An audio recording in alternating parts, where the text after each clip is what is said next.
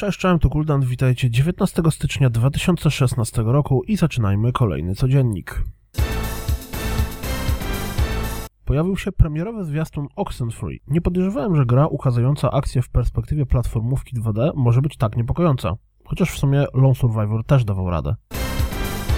Techland zajmie się dystrybucją Valhalla Hills i zaprezentował polski zwiastun gry, która wygląda na połączenie Settlersów z Wikingami. Premiera już 16 lutego.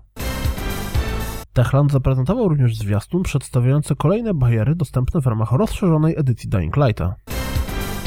Śpieszmy się kochać zwiastun fanowskiego remake'u Metal Gear Solid robiony na Unrealu 4, zanim Konami go ubije. Wczoraj pisałem o tym, że Danganronpa Trigger Happy Havoc zmierza na PC, a dziś na Steamowej stronie produktu możemy dowiedzieć się, że gra pojawi się już w lutym. Rocket Birds 2 Evolution zmierza na PlayStation 4 i PlayStation Vita. Szczegółów na razie brak. Zapowiedziano również Door Kickers 2. Gra pojawi się na PC pod koniec roku. Niestety od 18 lutego abonament Gold ulegnie podrożeniu o 20 zł z kwoty 229 zł na 249 zł. Zazwyczaj nie mówię o grach na urządzenie mobilne, ale tym razem zrobię wyjątek. Latem pojawi się Iron Maiden Legacy of the Beast. Epic free-to-play mobile role-playing game, umiejscowiona w świecie związanym z Iron Maiden. Hot or not?